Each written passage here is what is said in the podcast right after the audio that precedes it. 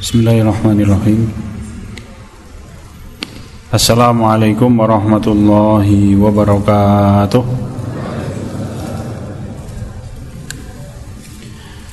Alhamdulillahi rabbil alamin. Innal hamdalillah nahmaduhu wa nasta'inuhu wa nastaghfiruh Wa billahi min shururi anfusina wa min sayyiati a'malina. Man yahdihillahu fala mudilla lahu ومن يضلله فلا هادي له. وأشهد أن لا إله إلا الله وحده لا شريك له.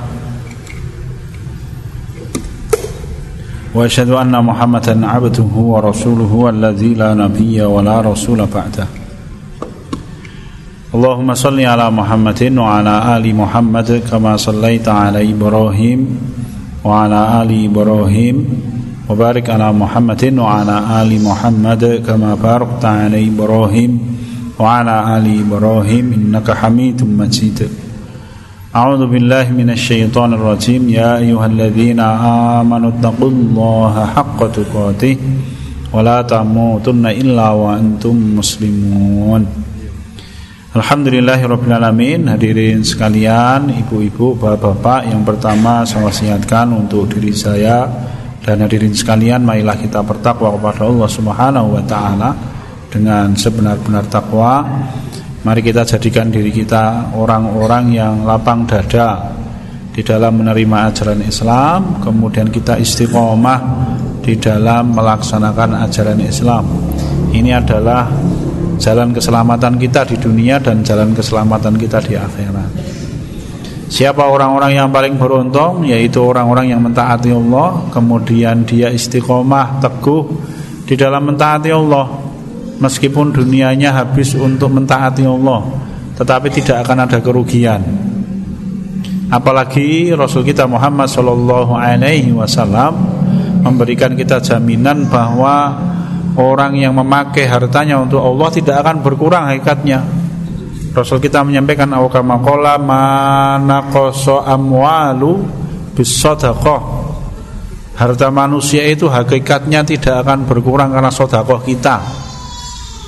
Ramilo wau menawi Mas Dr. Aldi menyampaikan tentang program-programnya Masjid Al Aman, monggo kula panjenengan sami menjadi orang yang berlapang dada di dalam menunaikan haknya Allah terkait dengan harta kita. Karena haknya Allah pada harta kita, pada diri kita, pada badan kita, pada rumah kita, pada keluarga kita semuanya ada. Tergantung kalau panjenengan saya bagaimana bisa menunaikan hak itu dengan benar.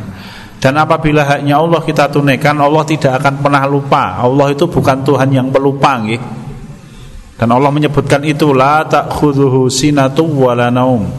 Allah tidak pernah ngantuk, tidak pernah tidur. Ya, di dalam ayat yang lain walayansa dan Allah tidak pernah lupa. Sehingga apa pun yang kita kerjakan dari amal soleh Selama kita niatkan ikhlas lillahi ta'ala dengan cara yang benar Maka pasti ada ganti dari Allah subhanahu wa ta'ala. Tidak mungkin, tidak. Ibu-ibu, bapak-bapak, adinasataniullah wa iyyakum Wonten ing dalu punika kita akan membahas tema yang lain kelanjutan. Meskipun sebenarnya tidak plek seperti ini nggih berteman karena Allah dan berteman karena dunia. Tapi ini tema yang kalau saya merasakan cocok untuk melanjutkan dari materi kita sebelumnya. Bukan berarti ketemuan ketika kita berteman dengan seseorang karena ngurusi bisnis kemudian tercela di hadapan Allah bukan itu maksudnya. Tetapi ini merupakan materi yang harapan kita bagaimana semua aktivitas kita itu bisa kita arahkan untuk mentaati Allah dan bagaimana kita menjadi orang yang selalu dekat dengan orang-orang yang taat kepada Allah. Boleh silahkan kita mengenal semua orang, tetapi orang-orang yang akrab dengan kita, orang-orang kepercayaan kita haruslah orang-orang yang bertakwa kepada Allah. Ini penting ibu-ibu, bapak-bapak. Satu sisi manfaatnya adalah itu merupakan bagian dari ikhtiar kita di dalam mentaati Allah Karena Allah mewajibkan kita untuk menjadikan teman-teman akrab kita orang-orang yang beriman ya tapi ini ayatnya saya kita letakkan di belakang ini. Allah taala menyampaikan wonten ing surat Al-Imran ayat 118 A'udzu billahi minasyaitonir rajim ya ayyuhalladzina amanu la tattakhidhu bitanatan min dunikum. Wahai orang-orang yang beriman Jangan pernah kalian menjadikan teman-teman akrab kalian itu di luar golongannya orang-orang yang beriman. Yang menyampaikan Allah langsung datang dari atas. Teman akrab itu orang yang mana ketika kita punya masalah kita bercerita dengan orang itu. Kalau kita punya amanah, maka orang itu orang yang kita mintai untuk menyelesaikan amanah. Kalau kita punya rahasia, maka orang itu adalah orang yang kita ceritakan rahasia kita. Kira-kira begitu hadirin sekalian Dan Allah mewajibkan tidak hanya sunnah ini Wajib bagi kita Menjadikan teman-teman akrab kita adalah orang-orang yang beriman kepada Allah Satu itu Yang kedua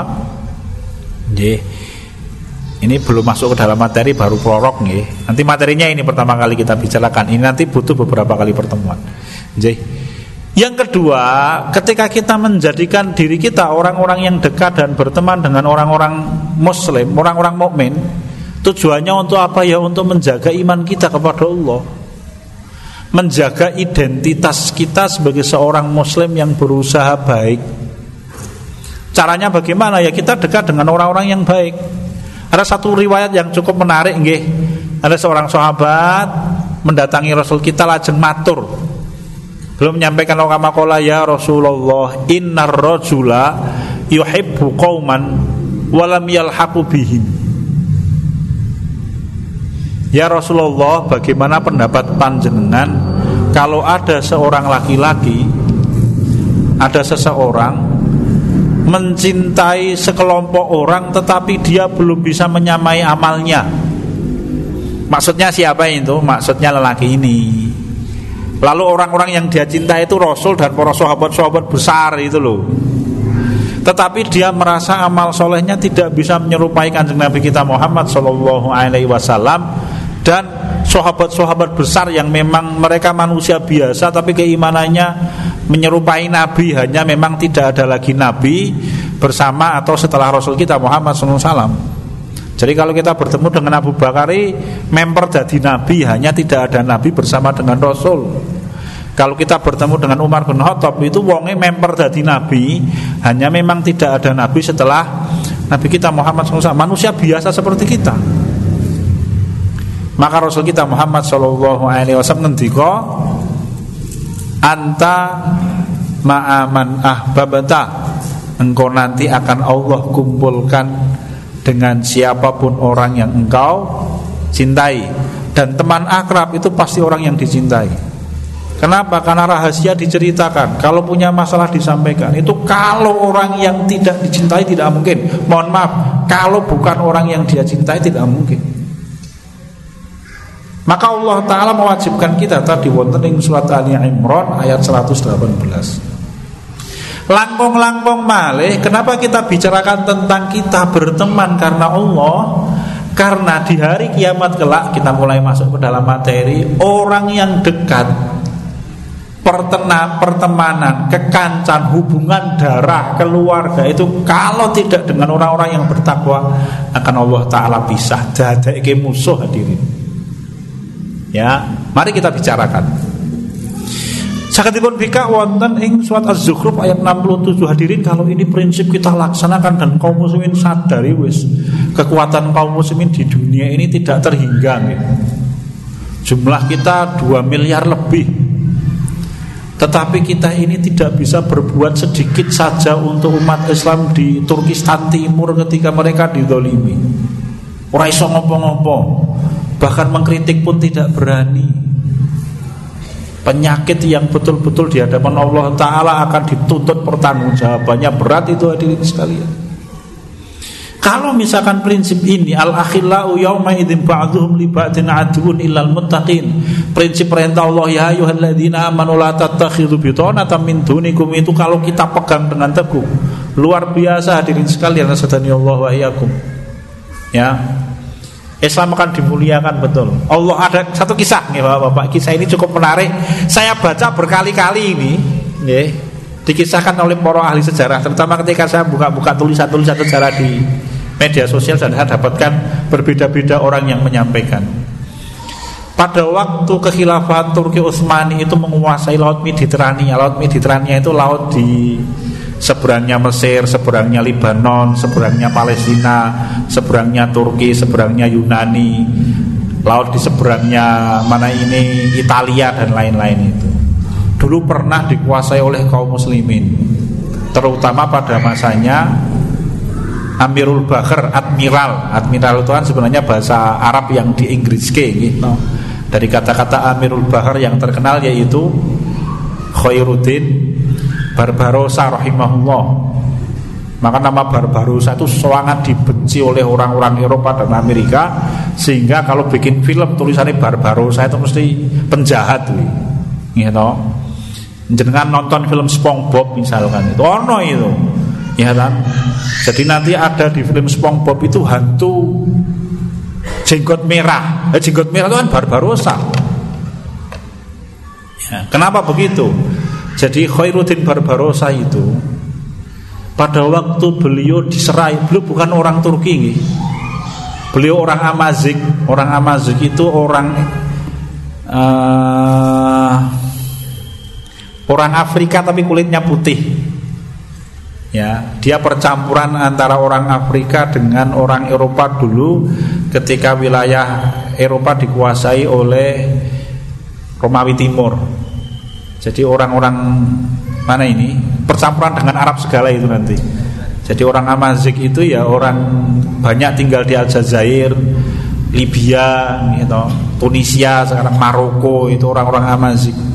Jadi orang-orangnya putih, orang-orangnya tinggi, bagus-bagus wonge. Jenggotnya merah. Pada waktu beliau menguasai diserai Amirul Bahar, panglima perang angkatan laut Turki Utsmani, Beliau bisa menyelamatkan puluhan ribu kaum muslimin ketika kaum muslimin di Andalusia dibantai oleh Ratu Isabella dan suaminya jenenge Sopo Salali itu. Beliau bisa menyelamatkan ratusan ribu, puluhan ribu kaum muslimin.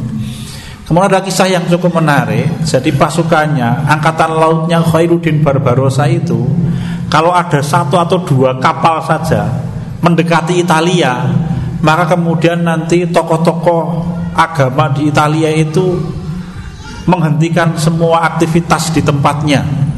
Kalau ada lampu-lampu lampu ini dipateni kira-kira begitu. Khawatir kenapa? Karena kelihatan itu ada daratan, maka daratan itu akan dikuasai oleh kaum muslimin. Sebegitu mulianya kaum muslimin. Ya. Christopher Columbus itu ketika datang pertama kali ke Amerika Serikat, saya membaca catatannya itu maka yang dia lihat pertama kali di daratan Amerika Serikat itu apa? Bukit, kemudian di puncak bukit itu ada masjid. Dia tulis di dalam catatan hariannya. Ya hadirin sekalian Allah wa Kapan itu? Pada waktu kaum muslim mempunyai ikatan sesama mereka yang kuat. Dan Allah sudah mengingatkan ini bukan ego loh Bapak-bapak, ini cara Islam menjaga identitas kaum muslimin. Panjenengan perhatikan nek ono wong Islam tinggal di lingkungannya orang-orang selain Islam, itu nanti cara berpakaiannya podo karo wong-wong lho. Kok panjenengan ngertos? Iya, saya tahu, Pak. Saya sampai bisa membedakan nggih. Di kampung saya itu depan rumah saya itu tinggalnya ibu-ibu aktivitas pengajian, aktivis pengajian, pengajian ini depan rumah. Depan rumah, nggih. Nanti belakang rumah beberapa baris rumah itu banyak orang-orang selain Islam. Itu nanti kadang-kala kita membedakan orang yang di belakang rumah kayak wong Islam podo dari cara berpakaian angel, Pak. Metu rumah podo-podo katongan cekak, podo-podo kausan yukensi begitu.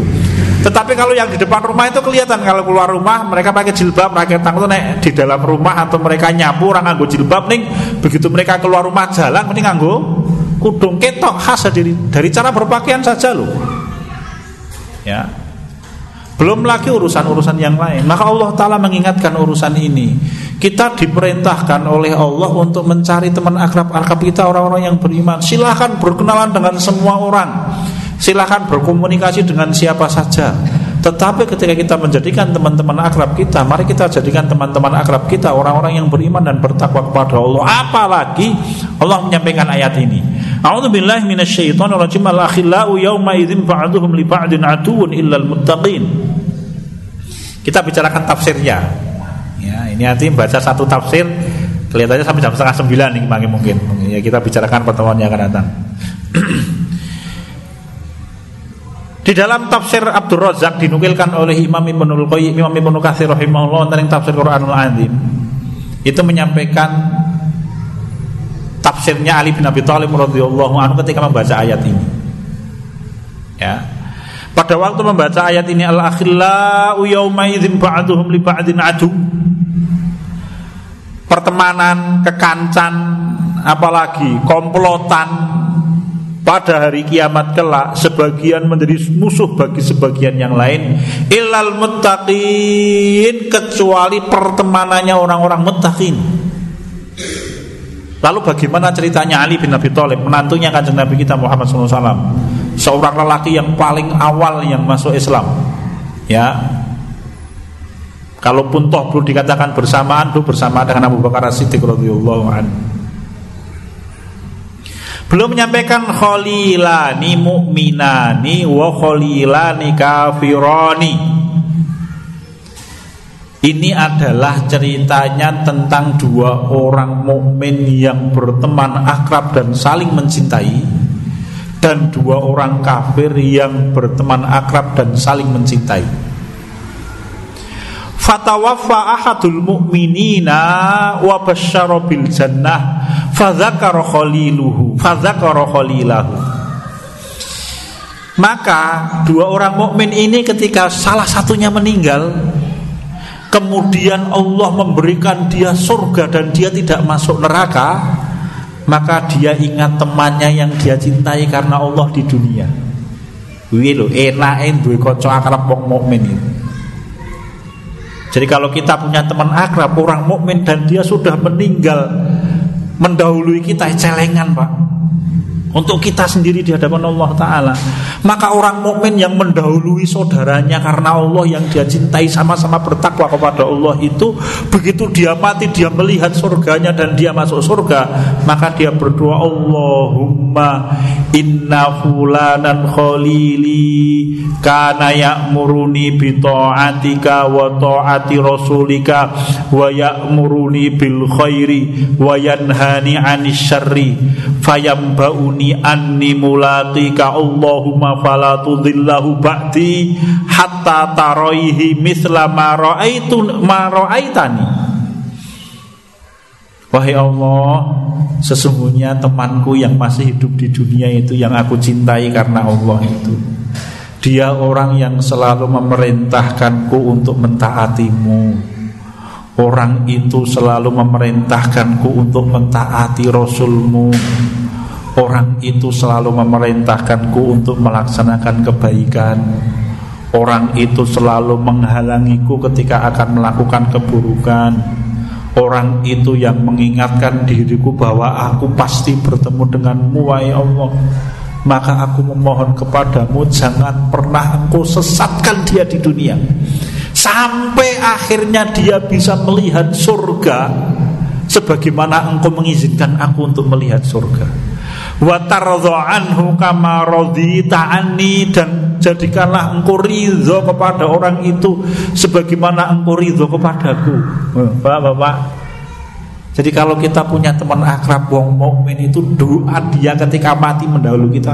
Manten iku lho hadirin. Ya. Fayuqalu lahu idhab falau ta'lama ma lahu indi la dhahakta katsiran wala bakaita qalilan. Maka Allah taala berfirman kepada orang yang sudah meninggal orang mukmin itu. Wis to antengo tentrem hatimu kalau bahasa kita kalau kita terjemahkan eh tapi itu pergi santai sajalah kalau bahasa kita es es oleh tentrem wes. Kalau engkau mengetahui kebaikan-kebaikan yang aku sediakan untuk temanmu di surga la dhahakta katsira wala bakaita engkau pasti akan banyak tertawa di alam kubur dan sedikit menangis mesam-mesem pokoknya ning alam kubur. Ya. Qala sahabat Ali bin Abi Thalib ngendika Summa yamutul akhir fatajtami'aru arwahuhuma maka kemudian setelah itu teman akrabnya yang sama-sama mukmin itu meninggal, lalu kemudian rohnya dipertemukan oleh Allah. Loh, enak toh Pak? Nek wong kafir, orang yang tidak beriman itu pada waktu dia ada di alam barzah orang ketemu kancane. Dia menanggung siksanya sendirian, dia nanti akan dipertemukan meskipun nanti ada ceritanya di sini dipertemukan rohnya gitu. Tapi dia akan menanggung dosa sendirian dan dia nanti akan saling menyalahkan dan saling meminta hukuman. Wahai Allah, lipat gandakan hukuman dia kenapa dia yang menyesatkan saya kok ngono kuwi nek wong-wong yang tidak beriman. Kita ceritakan dulu. Fatajtamiu arwahuhuma. Ya. Maka kemudian roh mereka berdua bertemu. Fayuqalu layasanna hadukum ala sahibihi fayaqulu kullu wahid minhum li sahibihi ni'mal akh wa ni'mas sahib wa ni'mal khalil. Maka kemudian begitu dua rohnya orang-orang mukmin ini bertemu maka terdengar suara yang menyampaikan kepada mereka pujilah temanmu itu. Ya. Fayaqulu kullu wahid minhuma li sahibihi maka kemudian setiap orang yang dua orang yang saling mencintai karena Allah orang-orang mukmin ini saling memuji. Tenalam barzah lho Pak. Niki dereng ning swarga lho. Ya. Sungguh teman saya ini adalah sebaik-baik teman. Sungguh rekan saya ini adalah sebaik-baik saudara. Sungguh kenalan saya ini adalah sebaik-baik kekasih Ya. Ini yang diceritakan oleh Allah. Kenapa? Karena mereka berdua menikmati gambaran surganya. Belum masuk surga loh ini hadirin.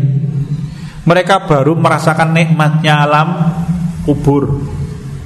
Karena ingat orang masuk surga itu kapan? Setelah hari kiamat. Ini belum.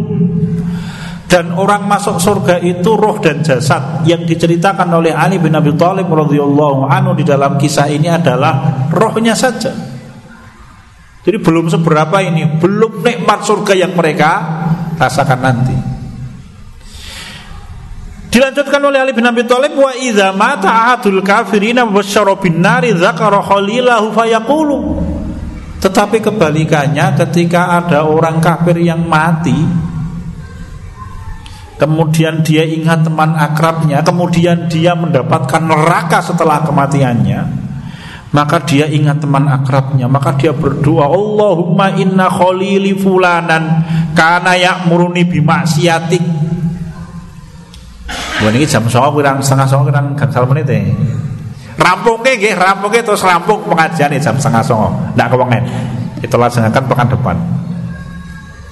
Maka orang kafir tadi berdoa, wahai Allah, teman akrabku di dunia itu, namanya itu, Allah Maha tahu.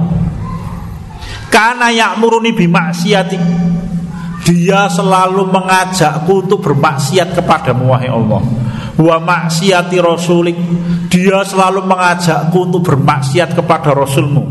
Wa ya'muruni bisyarr wayanhani anil khair dia selalu mengarahkanku dan mengajakku untuk berbuat keburukan dan menghalangiku untuk melaksanakan kebaikan fayukhbiruni anni ghaira mulaqik dan dia memberitahukan kepadaku bahwa kalau aku mati aku tidak akan bertemu denganmu dan tidak akan bertemu dengan alam akhirat. Gampangannya seperti itu. Allahumma fala tahdihi ba'di hatta taraihi misla ma ra'aitani Tungane apa? Wahai Allah, aku mohon agar teman akrabku itu jangan engkau berikan petunjuk. Wes, sehingga dia bisa merasakan neraka sebagaimana yang aku lihat. Wes, piye ini Pak? Ya, ada orang yang didoakan oleh orang-orang yang mati wahai Allah jangan biarkan dia mendapatkan petunjuk maksudnya kenapa aku yang mendapatkan petunjuk kono mlebu swarga aku mlebu neraka ora cocok nih ya disampaikan fatas khotu alaihi fatas khotu alaihi kama sahatta alaiya sehingga engkau murka kepada orang itu sebagaimana saat ini engkau murka kepada wahai Allah. Ola sahabat Ali bin Abi Thalib melanjutkan ceritanya. Fayamutul kafirul akhir fayajma'u baina arwahi ma'u. Ini kalau Ali bin Abi Thalib menyembuhkan rohnya dipertemukan.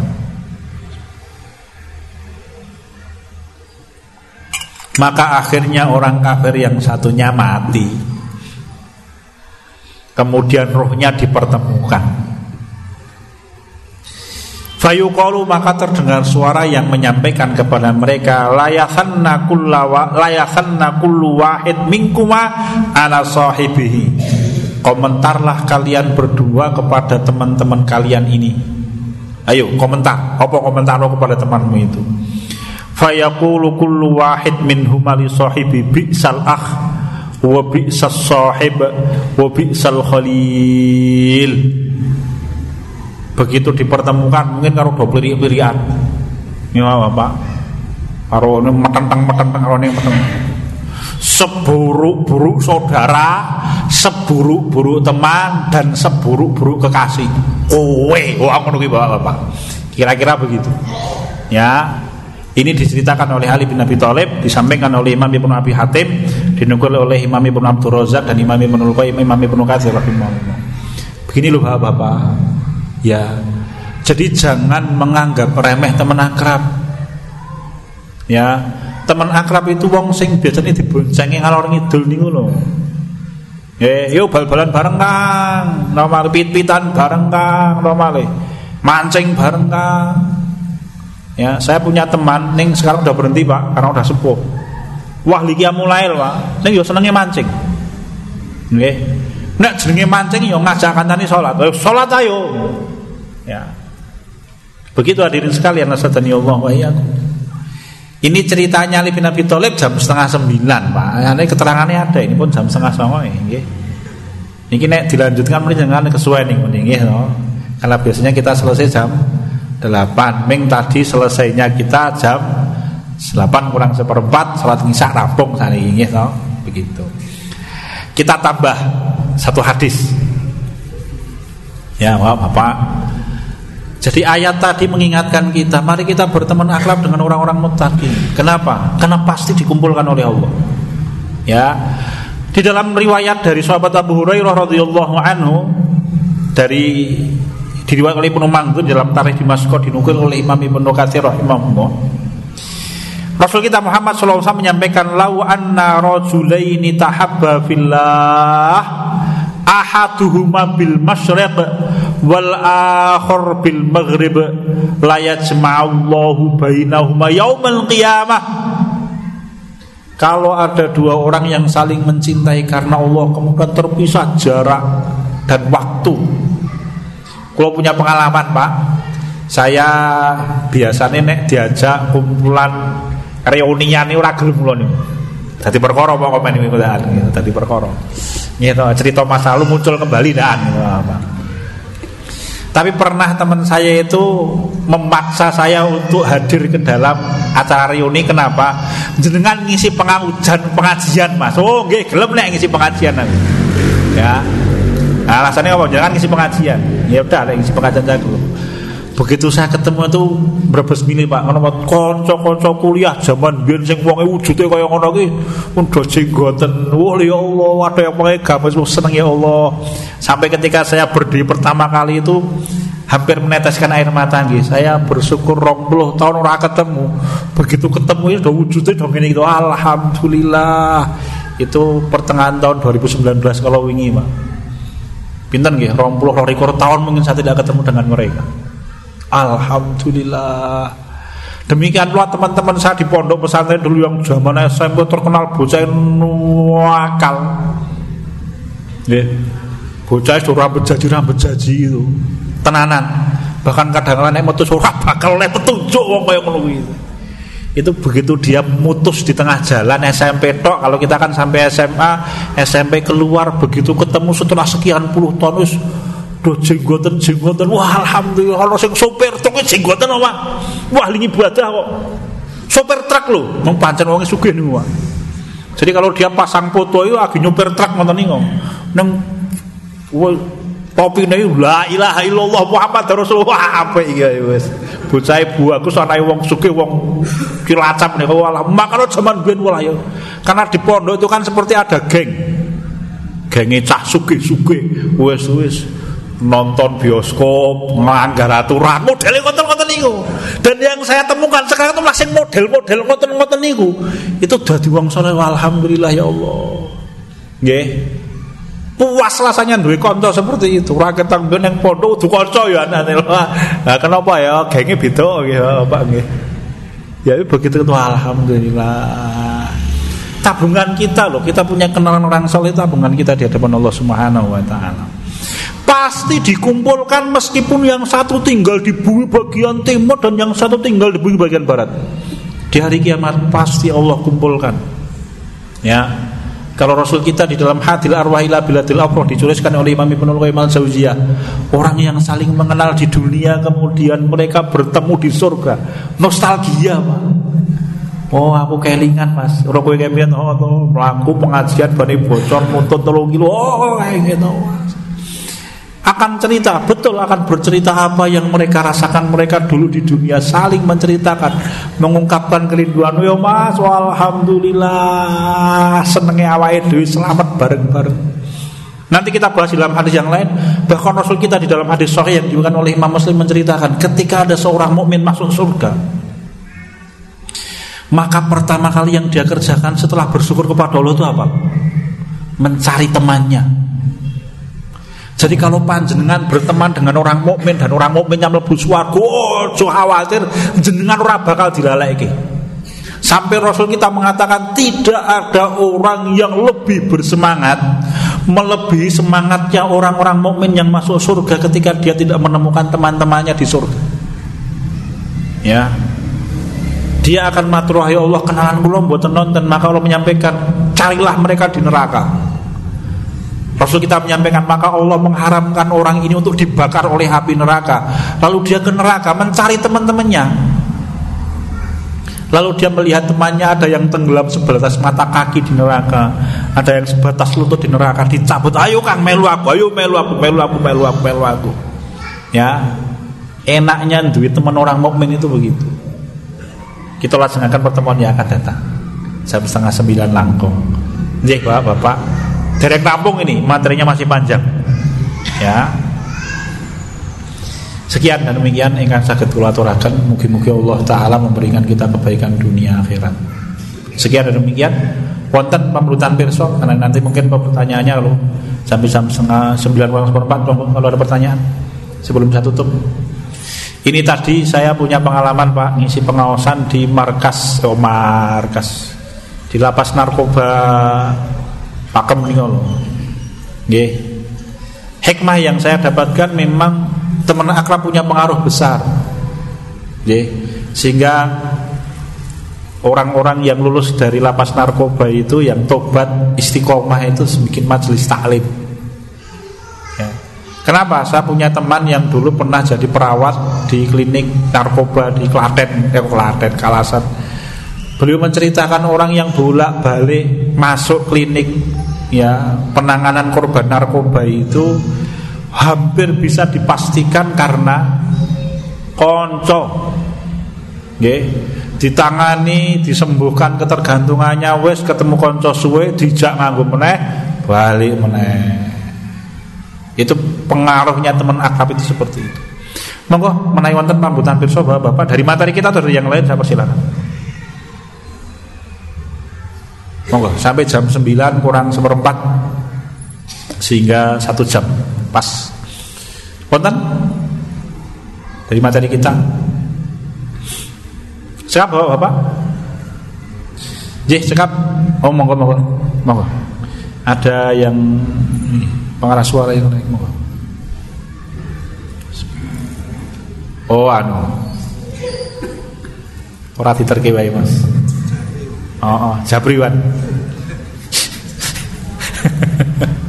Monggo. Monggo Bu. Assalamualaikum warahmatullahi wabarakatuh.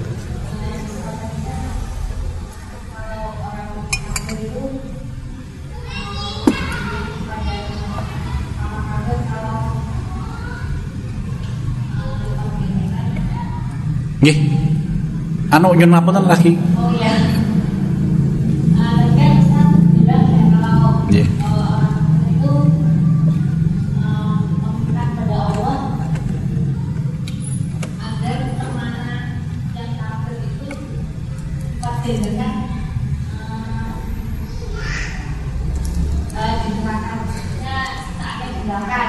Yeah. Apakah ada orang muslim yang begini juga sama muslim? Ya bisa Ya. warahmatullahi wabarakatuh. Assalamualaikum warahmatullahi wabarakatuh. Ada Quran mas. Ini? Jadi Allah Taala pun menyampaikan doanya orang-orang yang kafir kepada Allah dan dia disesatkan oleh pemimpin-pemimpinnya. Maka mereka berdoa Rabbana atihim dhi'faini minal azab wal anhum la'nan kabir. Oh, ini saja. Jadi Allah Taala ini. Orang-orang ini, ini. Orang-orang kafir itu mengatakan, wahai Allah, timpakanlah kepada mereka siksa dua kali lipat daripada siksa kami. Dan laknatlah mereka dengan laknat yang besar. Kenapa? Karena mereka yang telah menyesatkan kami. Itu kalau orang-orang kafir. Bagaimana kemudian kalau orang-orang muslim apakah ada yang mendoakan seperti itu bagi saudaranya muslim? Kalau orang muslim ini pendosa dan dia disesatkan oleh temannya yang sama-sama pendosa, maka disebutkan sama seperti itu. Sebentar, saya carikan di surat apa ya?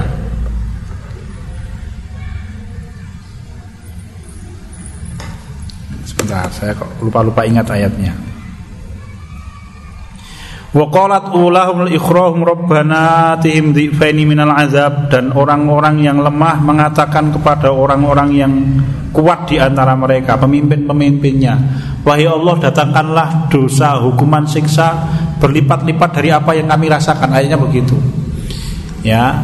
Ayatnya itu berlaku umum. Meskipun nanti tafsirnya para ulama menyampaikan ya ulahum itu adalah pemimpin-pemimpin kafir ukhrohum itu pengikut-pengikutnya orang kafir. Tetapi kalau orang yang masuk ke dalam api neraka maka dia akan berusaha mengorbankan apa pun yang dia miliki termasuk teman-teman akrabnya yang penting dia diselamatkan dari api neraka termasuk keluarganya, anak, istri, cucunya, sedulure, semuanya. Surat Al-Ma'arij ayat ke-11 sampai ayat ke-15. Panjenengan bika. Allah menyampaikan ya wadul mujrimu law yaftadi min adzabi yaumi idzin bibani. Oh, ini ngapunten terjemahannya mohon Mas. Ngapunten nggih. Saya bacakan terjemahannya. Allah taala menyampaikan wonten ing surat Al-Ma'arij ayat yang ke-11 sampai ayat yang ke-15. Ya wadul mujrimu law yaftadi min adzabi yaumi idzin bibani wa sahibatihi wa akhi wa fasilatihi allati tuwi wa man fil ardi jami'an thumma yunjihi kalla innaha lazam Ayat ke-11 sampai ayat ke-15 Saya bacakan nggih. Ya wadul mujrimu Maka pada hari itu Orang-orang yang berbuat dosa Mereka ingin Agar Sekiranya dia dapat menebus dirinya dari azab dengan anak-anaknya. Saya ulangi Pada hari itu orang-orang yang berdosa ingin sekiranya dia dapat menebus dirinya Dari azab dengan anak-anak kandungnya. Ayat ke-12 dan istrinya dan saudara-saudara kandungnya. Ayat ke-13 dan keluarga yang melindunginya di dunia Yang ke-14 dan orang-orang di bumi seluruhnya Kemudian mengharapkan tebusan itu dapat menyelamatkannya Ayat ke-15 sama sekali tidak Sungguh neraka itu api yang bergejolak Jadi semua orang yang masuk neraka Pendosa meskipun nanti banyak ulama yang menafsirkan al-mujrim di dalam ayat itu adalah orang kafir. Ya, orang kafir. Maka dia kepingin untuk menebus dirinya dari api neraka dengan anak-anaknya, dengan istrinya, dengan saudara-saudara kandungnya. J. Bagaimana kalau saudara-saudara kandungnya mukmin, istrinya mukmin, anak-anaknya mukmin ya sudah terputus harapan mereka putus. Tetapi kalau misalkan nanti kok sama-sama orang kafir, ayal-ayalan nanti di neraka. Nih nyarinya ayatnya ya Pak. Nyun ngapunten nih, saya nyarinya. Kalau yang ayatnya ini saya apal ayatnya ayat nyari ayatnya nggih. Jadi Allah Ta'ala itu menyebutkan bahwa orang-orang kafir dan orang-orang munafik itu akan ayal-ayalan di neraka.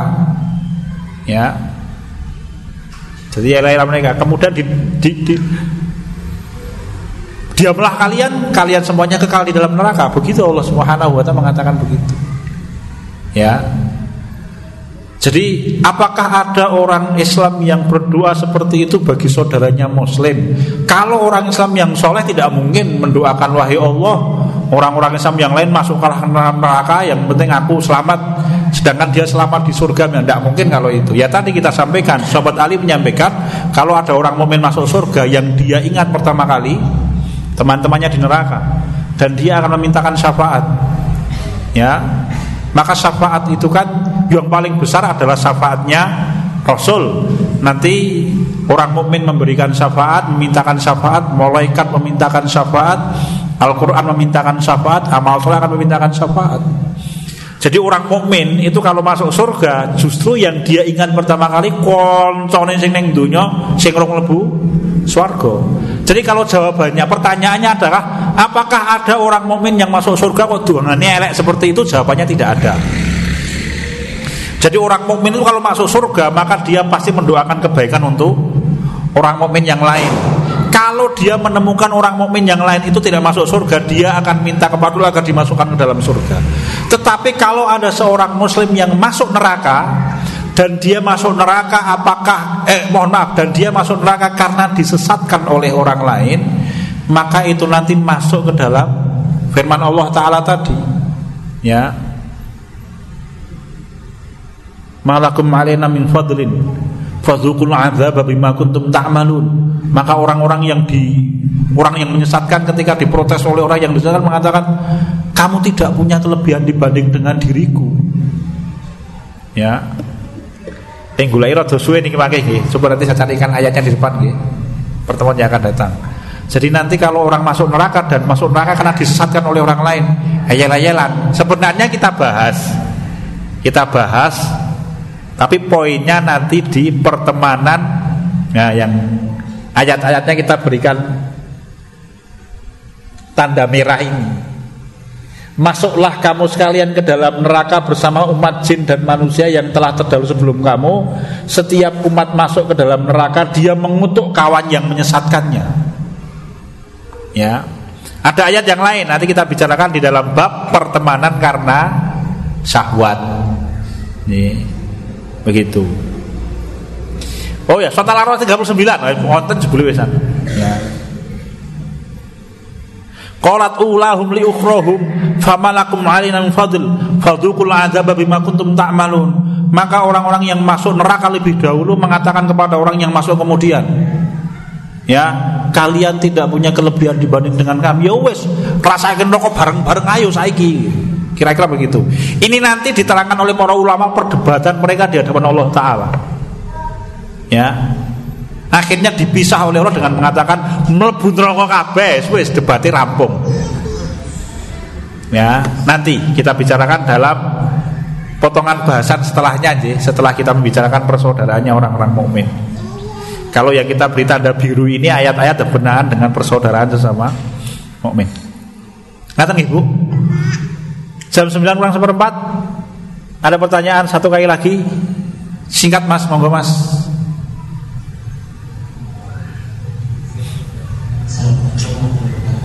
Assalamualaikum warahmatullahi wabarakatuh. Saya itu dari dulu sampai sekarang mempunyai teman-teman yang ini uh, Saya itu punya pola pikir. Yang penting saya sampaikan apa yang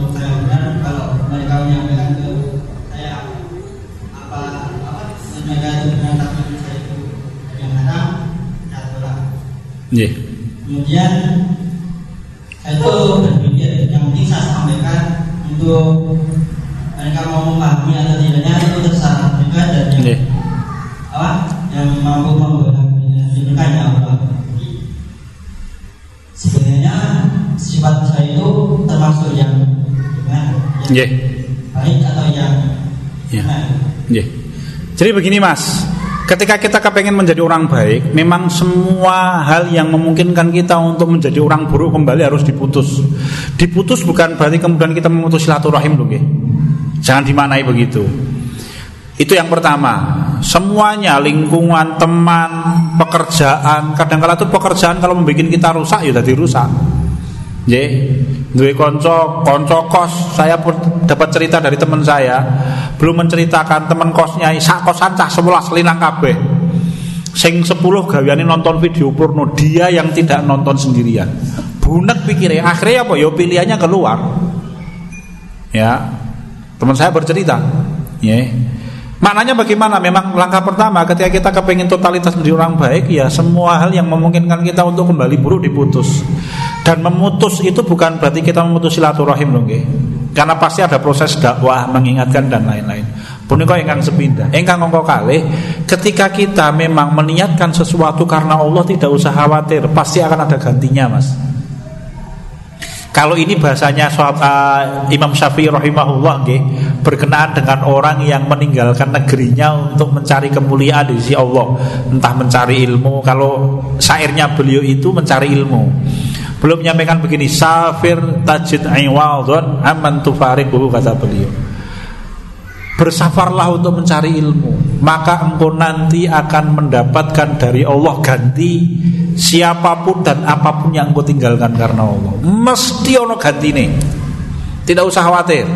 Kalau panjenengan punya teman akrab di kuan dan ini kon ngibadah ngeyel Lalu anda memilih untuk tidak lagi menjadikan dia teman akrab. Tetap jadi konconing bukan lagi teman akrab Maka pasti nanti anda akan dicarikan oleh Allah Teman akrab yang bisa menjaga agama panjenengan Silahkan buktikan.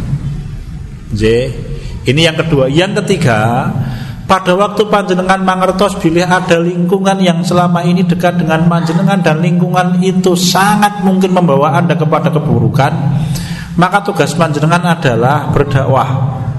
Ya, kalau berdakwah kepada mereka dakwah panjenengan tidak banyak diterima, maka proses panjenengan adalah jangan banyak bersinggungan dengan orang yang tidak baik. Sekali lagi ini bukan memutus silaturahim mas Tapi jangan banyak bersinggungan Kenapa? Karena lingkungan itu pengaruhnya besar Saya membaca di dalam salah satu buku psikologi Islam itu Pengaruhnya lingkungan 70% pada diri kita Maka Rasul kita menyampaikan Almaru ala dini khalilihi Fal yang man yukhalilhu Manusia itu tergantung dengan kebiasaan dan keyakinan teman-teman akrabnya maka hendaklah kalian berhati-hati dan dengan sama mencari siapa yang dia jadikan sebagai teman akrab. Pengaruhnya besar, Mas. Ya, pengaruhnya lingkungan itu besar. Kalau panjenengan masuk ke dalam lingkungan orang yang biasa kiamulail, jenengan akan biasa kiamulail. Kalau panjenengan masuk ke dalam lingkungan orang yang biasa puasa sunnah, jenengan akan rajin puasa sunnah. Tapi kalau panjenengan tinggal di lingkungan yang ora tahu sholat, ya jenengan akhirnya terbawa ora tahu sholat. Ya, begitu hadirin sekalian. Ngaten nggih Mas monggo panjenengan mangke nilai bagaimana tapi yang pasti memutus bukan berarti memutus silaturahim kalau dia sakit panjenengan jenguk kalau dia butuh makan panjenengan berikan makan kalau dia butuh pekerjaan panjenengan carikan pekerjaan tetapi tidak menjadikan sebagai teman akrab ngaten ya mas ya cekap bapak ibu ibu punika kang saged kula aturaken nyuwun ngapunten kalau ada pertanyaan yang lain bincang insyaallah pertemuan yang akan datang kita lanjutkan. Sekian dan demikian. Kalau ada perkataan yang tidak berkenan, saya mohon maaf sebesar-besarnya. Kebesar, eh, kebenaran datangnya dari Allah. Kalau ada kesalahan semuanya adalah dari kekurangan saya pribadi.